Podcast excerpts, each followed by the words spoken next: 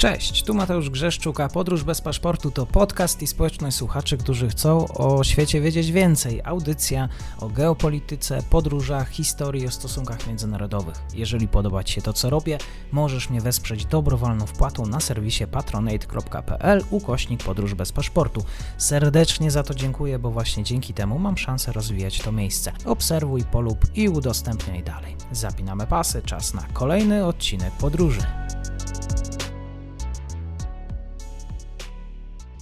Dzień dobry wszystkim słuchaczom. Na początku tego odcinka chciałbym serdecznie podziękować panu Piotrowi Sobczykowi za to, że został moim patronem w ramach serwisu Patronate. Jeżeli znacie ludzi, miejsca, firmy, które chciałyby patronować e, temu przedsięwzięciu, serdecznie zachęcam. Chciałbym rozwijać ten kanał, więc e, też e, pomoc, wsparcie finansowe zawsze jest mile widziane. Chciałbym niebawem zakupić nowy sprzęt do montażu, dlatego zachęcam do tego, żeby do grona patronów dołączyć. Ten program powstaje powstaje dla Was i z Waszą pomocą. Dzisiaj moim gościem jest pan dr Krzysztof Iwanek, indolog, historyk, kierownik Ośrodka Badań Azji w Centrum Badań nad Bezpieczeństwem Ażwoj w Warszawie. Dzień dobry panie doktorze, dziękuję za przyjęcie zaproszenia. Dzień dobry panie redaktorze, dzień dobry państwu. I dzisiaj o jednej z najtrudniejszych reform w Indiach. Chodzi o rolnictwo, modernizację Indii. Panie doktorze, czy to było zadanie łatwe, czy jedno z tych trudniejszych, jeżeli chodzi o premiera Modiego? No bardzo ogólnie na to odpowiadając, wydaje mi się, że jest to oczywiście bardzo trudne zadanie i zadanie, które nie byłoby takiego jednego rządu, który by je tak skokowo w Indiach przeprowadził ze względu na ogromny no, szereg wyzwań, takich jak budowa infrastruktury i powiedziałbym, że tutaj osiągnięcia rządu Modiego są mieszane, ale też naprawdę to naprawdę jest e, coś, co, co według mnie zajmie dekady. To oczywiście tę modernizację można rozumieć na, na różne sposoby. Ja rozumiem, że pan redaktor konkretnie by chciał odwołać się do kwestii tej liberalizacji rolnictwa, prawda, znaczy handlu produktami rolnymi. Do, do tego powinienem przejść teraz? Tak jest, możemy, tak jest rzeczywiście jakby z różnych ambitnych e, projektów rządu Modiego, jednym z bardzo ważnym, e, z ważnych aspektów była właśnie liberalizacja handlu produktami rolnymi i no, o tym między innymi mieliśmy dzisiaj mówić, prawda? W zeszłym roku Parlament Indyjski przegłosował takie trzy ustawy, które najkrócej mówiąc miały uwolnić na siły rynkowe handel produktami rolnymi. To jest bardzo ważny aspekt życia w Indiach, ponieważ y, ponad połowa mieszkańców Indii pracuje w sektorze rolnym. W związku z tym y, dla nich jest istotne, w jaki sposób, za ile, gdzie sprzedaje się produkty rolne. No i do tego dodajmy wszystkich tych, którzy żyją w jakiś sposób z tych produktów rolnych, na przykład y, tych, którzy nimi handlują i tak dalej. I teraz w Indiach do dzisiaj nie ma pełnej liberalizacji tego rynku. To znaczy utrzymuje się system, który wywodzi się z interwencyjnego skupu produktów rolnych podczas II wojny światowej, który wprowadził rząd y, jeszcze brytyjski, kolonialny, kiedy po prostu no, były znaczne braki y, żywności na rynku i choć trudno w to uwierzyć, po, po różnych zmianach dalej jakby i, i e, obowiązują zasady wywodzące się z wojennego interwencyjnego skupu. Czyli już przechodząc konkretnie, jak to wyglądało, jak to miało być zmienione. Indyjski rolnik może sprzedawać swoje produkty tylko na określonych przez rząd targach. Nie może ich sprzedawać wszędzie, gdzie tylko by sobie chciał. Natomiast w zamian za to indyjski rolnik na różnego rodzaju produkty rolne ma gwarantowane, że jeżeli nie uda mu się na tym targu sprzedać tych produktów, to rząd od niego kupi. Nie dotyczy to wszystkich produktów rolnych, ale wielu, wielu kluczowych, tak jak ryż czy pszenica. Rząd wtedy gwarantuje rolnikowi kupno tych produktów za minimalną określoną przez rząd cenę. I teraz klucz y, reform, które zostały wprowadzone w zeszłym roku, sprowadzało się do kompletnego rozmontowania tego systemu. To znaczy, rolnik może sprzedać gdzie chce, ale rząd mu nie gwarantuje kupna i nie gwarantuje kupna również za żadną cenę. W związku z tym ta dyskusja trwająca od roku, znaczy dyskusja na, tego, na, temat tego systemu trwa od dziesięcioleci, ale natomiast reform, które, aktów prawnych, które zostały wprowadzone w zeszłym roku, by ten system zmienić, to jest dyskusja, która bardzo mocno jakby wpisuje się w światową dyskusję między socjalizmem a kapitalizmem, można powiedzieć. To znaczy zwolennicy tych reform mówią, no przecież rolnicy na tym skorzystają, będą mogli sprzedawać wszędzie, czyli będą mogli decydować, za jaką cenę sprzedają. Przeciwnicy tych reform mówią, że no a co jak nigdzie nie będą mogli sprzedać, no to rząd powinien im gwarantować. I niektórzy zresztą z protestujących rolników i niektórzy z, no ja rozumiem, osób zapatrujących się znacznie bardziej socjalistycznie na gospodarkę idą jeszcze dalej, mówią, nie tylko rząd powinien był się wycofać z tych reform i rząd właśnie teraz to robi, ale rząd powinien jeszcze więcej gwarantować, gwarantując rolnikom, że jakikolwiek produkt rolny, a nie 24 zdefiniowane przez rząd, powinien być skupowany. Ponadto drugim bardzo istotnym elementem dyskusji było to, że przeciwnicy tych reform mówili, że skończy to się tak, że drobni rolnicy tak dużo nie skorzystają, a większość rolników indyjskich jest y, drobna, w sensie y, nie są, nie mają oni wielkich obszarów, które uprawiają. To skończyłoby się tak, argumentowali przeciwnicy tych reform, że rynek handlu produktami rolnymi zostałby zdominowany przez wielkie firmy. No z kolei Zwolennicy tych reform no, mówili, że po pierwsze wcale niekoniecznie. W sektorze mlecznym w Indiach jest taki przykład, że powstał kooperatyw producentów y, produktów mlecznych, który świetnie, Amul, obecnie jeden z największych firm mleczarskich w Indiach, który sobie świetnie poradził, chociaż zaczął się od tego, że y, razem zebrali producenci produktów mlecznych. A po drugie, no, zwolennicy tych reform mówią i, i co z tego, i czy to źle, że wielka firma kupuje, jeżeli oferuje dobrą cenę. I być może ja się za bardzo rozgoduję, pan redaktor tutaj miał jakby konkretne pytania mi do zadania, więc może na tym etapie zakończę moją wypowiedź mówiąc, że rząd się z tych reform obecnie wycofał. To wynikało z tego, że siła protestów była aż tak wielka, a rzeczywiście presja i nacisk zrobiły swoje?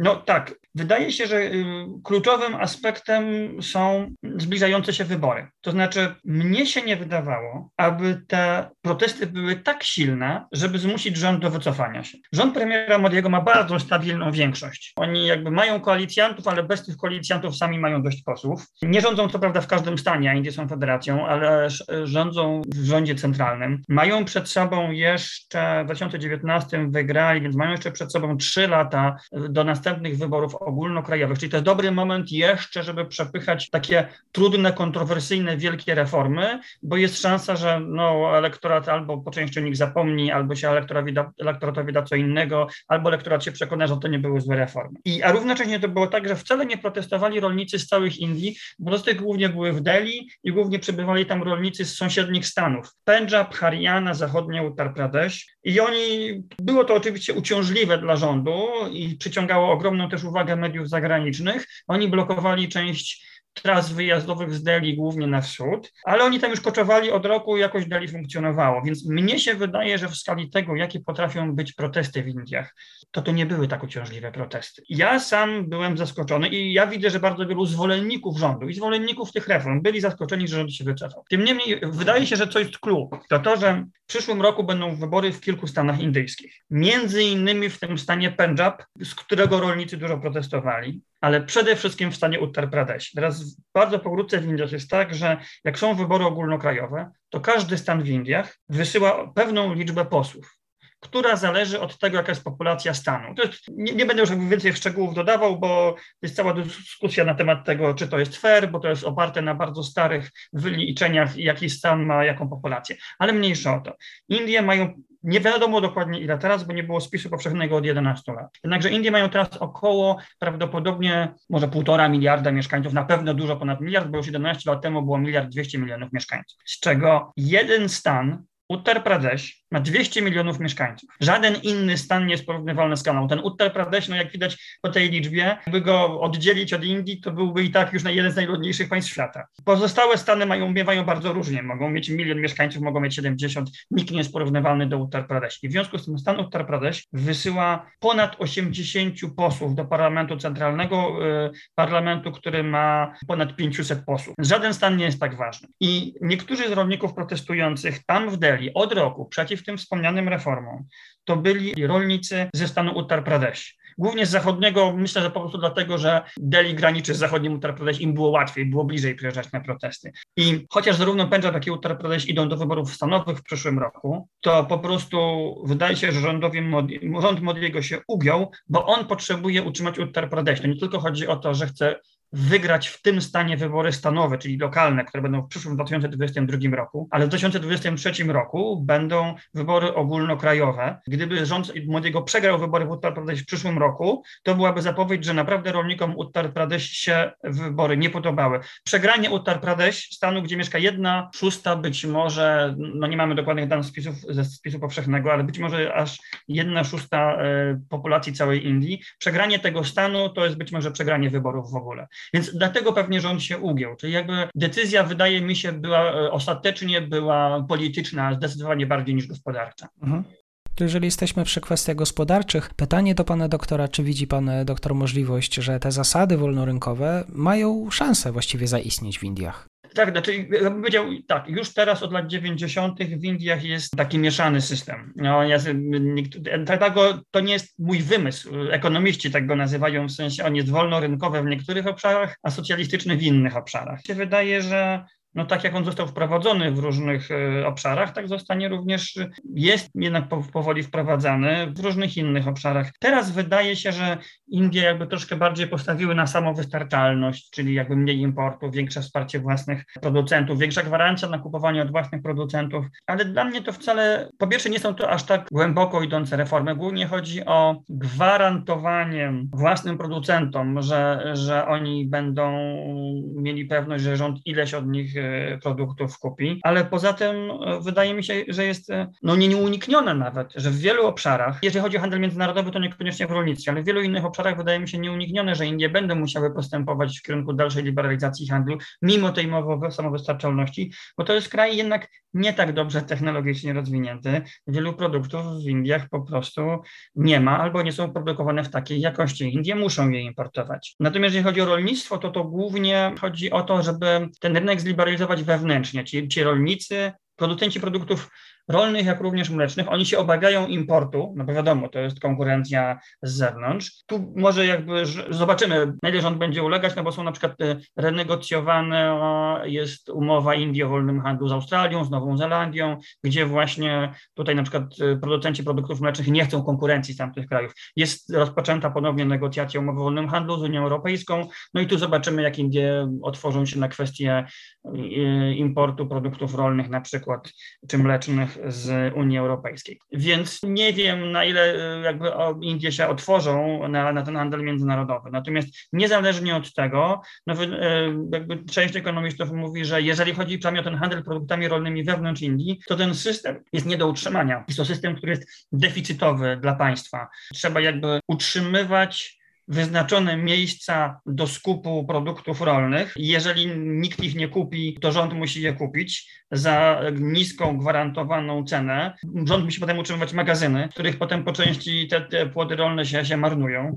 E, w związku z tym jest to system opłacalny dla wielu rolników, pewnie szczególnie tych mniejszych, natomiast kompletnie nieopłacalny do rządu. I myślę, że prędzej czy później do kwestii tej reformy będzie trzeba w Indiach wrócić, albo stopniowo będą wprowadzać rządy stanowe, bo też jest tak, że Indie są federacją i rolnictwo jest zapisane na tak zwanej liście wspólnej, concurrent list y, Konstytucji Republiki Indii, co oznacza, że rolnictwo jest obszarem, w którym legislacje mogą wprowadzać i rządy stanowe, i rząd centralny. Więc nawet jak rząd centralny Indii teraz nie wprowadził liberalizacji handlu produktami rolnymi, to poszczególne stany mogą to zrobić. I mi się wydaje, że to jednak prędzej czy później będzie wracać i ta dyskusja w tej czy innej formie będzie się dokonywać liberalizacja, nawet jeżeli to będzie trwało bardzo długo, tylko po prostu musi być klimat polityczny do tego właściwy i wydaje mi się, że rząd Modiego zdecydował, że klimat polityczny nie jest właściwy, że nie chce ryzykować przegrywania wyborów w imię tej kwestii na ile też problemem rolnicy obawiają się właśnie samej kwestii zagarniania ziemi. W kraju, który,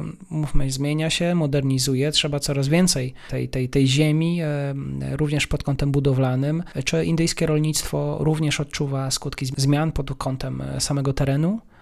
E, to jest zupełnie inna kwestia niż, niż ta liberalizacja handlu produktami rolnymi, bo z tego, co się orientuje, te trzy ustawy wprowadzone w zeszłym roku, a i tak mają być teraz wycofane, one nie poruszały kwestii, one tylko poruszały bardzo różne kwestie, ale wszystkie związane z handlem, a nie posiadaniem ziemi. Na ile ja wiem, tu moja wiedza, muszę przyznać, jest dość ogólna, ale e, indyjscy rolnicy tutaj nie mają bardzo dużych obaw, bo no Indie to nie Chiny. Zasadniczo w Indiach oczywiście działa to na wiele sposobów inaczej niż e, w Polsce, no bo Indie są jednak mniejszym, mniej państwem prawa niż Polska. Natomiast zasadniczo w Indiach jest tak, że o, jeżeli budowana, na przykład rozszerzona jest autostrada, czy budowana jest fabryka, no to państwo jest zmuszone wykupić od rolników ziemię. Nie ma, nie ma czegoś takiego jak konfiskata. Nie działa to jak w Chinach, że tak naprawdę państwo jest właścicielem ziemi. To naprawdę z, z ludźmi żyjącymi na nie można, może zrobić co się chce. Tam ludzie są rzeczywiście właścicielami tej ziemi. Ja pamiętam, zdarzało mi się e, właśnie rozmawiać w Indiach z rolnikami, którzy na przykład sprzedali swoje ziemie, bo właśnie rozszerzono autostradę. Teraz to, to i tak jakby było kilka lat temu się mogły zupełnie zmienić ceny, jakie rząd e, oferował. No nie były to, jak porównywaliśmy to do kosztów, e, nie były to jakieś jakby bardzo duże pieniądze. Natomiast no też no, nie był to przymus i nie było to, nie była to też, była to niewielka, był to może niewielki zysk, natomiast tak czy inaczej ja nie czytuję dużo o tym, aby, aby rolnicy się tego obawiali. Znaczy, jeżeli mm, rząd zaoferuje sensowne pieniądze, a rolnik ma, ma pomysł, co, co z nimi zrobić, to również dla niego to y, może być y, mm, opłacalne, więc to raczej nie mówi się o tym, że jakby, że jakby rolnictwo indyjskie ucierpi na, na, na industrializacji czy rozwoju infrastruktury. Jeszcze do tego chciałbym dodać, być może pan redaktor tak by o to y, spytał, i tak w indyjskim rolnictwie w pewnym sensie pracuje za dużo osób. To znaczy to, to, może brzmi kontrowersyjnie, jak tak to ujmę, ale ujmę to inaczej, e, szerzej. Około 70% mieszkańców Indii żyje na wsi, przy czym to są, jeszcze raz podkreślam, dane za 2011 rok, bo od dawna nie było, po prostu nie, nie było nowego spisu powszechnego, którego wyniki powinniśmy mieć w tym roku, więc pewnie ta urbanizacja postąpiła i te dane są trochę przestarzałe. Do tego około 53% mieszkańców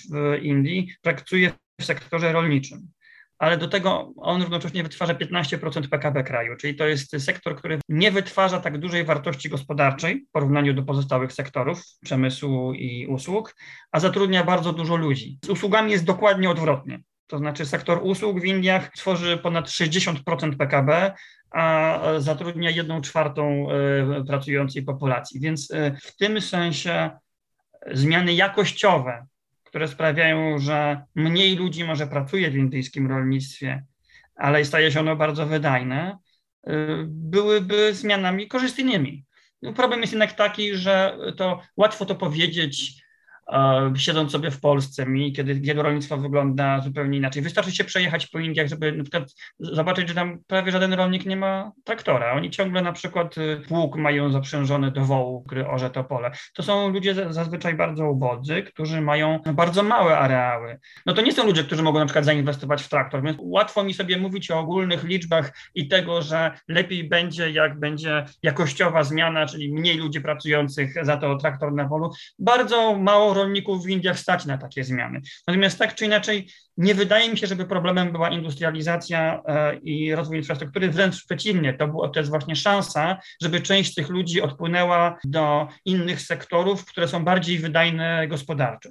To na zakończenie kwestia społeczna, którą sygnalizowałem jeszcze przed naszą rozmową. Chodzi o epidemię samobójstw. Jak to jest właściwie z tym, że rolnicy decydują się na tego typu drastyczny ruch? Tak, no to jest ciągle bardzo smutna i, i no, utrzymująca się sprawa. Tysiące ludzi w Indiach y, rzeczywiście, no po prostu głównie ludzi ubogich y, popełnia samobójstwa, przy czym no po prostu no, ludzie ubodzy to są częściej ludzie na wsi, ludzie żyjący na wsi to są najczęściej rolnicy albo no, osoby pracujące na cudzych polach albo posiadające własne, więc jakby to jest po prostu ogólnie część szerszego problemu ubóstwa. Myślę, że można kilka wskazać takich jakby ogólnych powodów. Jeden jest taki, że ubóstwo jest też związane z słabymi zabezpieczeniami socjalnymi. Zaraz postaram się szybko do tego przejść, jak to się przekłada na samobójstwa. W Indiach pamiętajmy jest tak, że ogromna większość ludzi pracuje w sektorze nieformalnym. To są ludzie, którzy z punktu widzenia y, państwa są jakby poza systemem emerytalnym. Na przykład w Indiach prawie nikomu nie przysługuje emerytura. Emerytura przysługuje, jak się pracuje w sektorze państwowym. No to rolnik nie pracuje w sektorze państwowym, albo na przykład w wielkiej korporacji, która wykupuje no, no, prywatny fundusz emerytalny. Ogromna większość ludzi w Indiach ani nie pracuje w sektorze państwowym, ani nie pracuje w wielkich korporacjach. Z punktu widzenia państwa indyjskiego, no oni żadnych, wobec takich ludzi, bo nie ma obowiązku składek emerytalnych i ci ludzie są zdani na siebie. To jest ten, ta kwestia braku zabezpieczeń y, społecznych. To są ludzie y, zazwyczaj, którzy mają rodziny wielodzietne i one zakładają, że dzieci będą ich wsparciem na, y, na emeryturę. Natomiast jakby poza tym wsparcie od państwa, oni, z jednej strony to jest tak, że jakby oni mniej wnoszą do państwa, bo też mało kto w Indiach płaci podatek dochodowy, ale też w zamian za to mało dostają od państwa, bo mają małe gwarancje socjalne, albo inaczej, jeżeli już otrzymują jakieś gwarancje, to one są zazwyczaj jest tym bardzo jakby kiepskiej jakości usługa. Na przykład, no teoretycznie no każdy obywatel Indii oczywiście powinien mieć szansę dostać się do szpitala, tylko że rządowy szpital w Indiach czy rządowa szkoła w Indiach jest często bardzo kiepskiej jakości i kto może, wybiera e, usługi prywatne, prywatną szkołę, prywatny szpital. Na to jednak trzeba mieć pieniądze. Po prostu kończy się to tym, że ludzie się masowo zadłużają. Zadłużają się, teraz na przykład podczas COVID-u to widzieliśmy, zadłużają się e, po to, żeby za, zapłacić lepszemu szpitalowi, żeby w ogóle osoba została przyjęta, zadłużają się na leczenie. Też e, no, bardzo dużym wyzwaniem społecznym jest to, że małżeństwa, to znaczy ślub. Uważa się, że w Taka obyczajowość oczekuje, że ślub jest czymś, na co zaprosi się wszystkich, których się zna i zapłacić na to bardzo dużo pieniędzy. Na to bardzo często e, ludzie w Indiach się zadłużają. Ubodzy ludzie, czyli bardzo często właśnie rolnicy i potem latami muszą te długi, te czy inne spłacać. Dlatego też bardzo ważnym elementem politycznym w Indiach jest, no chyba już przebrzmiewa przez moje słowa to, że jakby to rolnicy są bardzo ważnym elektoratem, choćby to, że teraz przymusili rząd do wycofania się z tych e, reform, ale też innym elementem znaczenia rolników, czy szerzej osób ubogich dla rządów jest to, że jednym z ważniejszych populistycznych decyzji, jakie rządy w Indiach stanowe czy centralne podejmują raz na jakiś czas, to jest anulowanie tych długów rolników albo czy po prostu wykupowanie tych, w sensie spłacanie długów rolników. No ale czasem rząd to zrobi, jak ma pieniądze, czasem nie, czasem obieca, nie może tego zrobić. No i efekt jest taki, że jest gigantyczna skala zadłużeń pośród osób y, y, ubogich w Indiach, bo państwo im mało daje, albo to, co daje, jest niewystarczające, więc i tak muszą sięgnąć do sektora prywatnego. Bardzo bardzo często z tego, co jakby się czyta, osoby w Indiach na wsi, które popełniają samobójstwo, to są właśnie po prostu osoby zadłużone, które jakby dochodzą do wniosku, że one i tak tego długu nigdy nie będą w stanie spłacić, no i to ich prowadzi do dramatycznej decyzji o pozbawieniu się życia. Milion rolników przeciwko korponacjonalistom. Takie nagłówki widzieliśmy niedawno w polskich mediach, czyli o tym, jak rząd Modiego, proponując rozwiązania rynkowe, chce wprowadzić reformy. Rolnicy oczywiście obawiają się, że w, pewnym, w pewien sposób to naruszy ten status quo. Dzisiaj rozmawiałem o tym z panem doktorem Krzysztofem Iwankiem. Serdecznie dziękuję za ten komentarz i nasze spotkanie. Dziękuję również.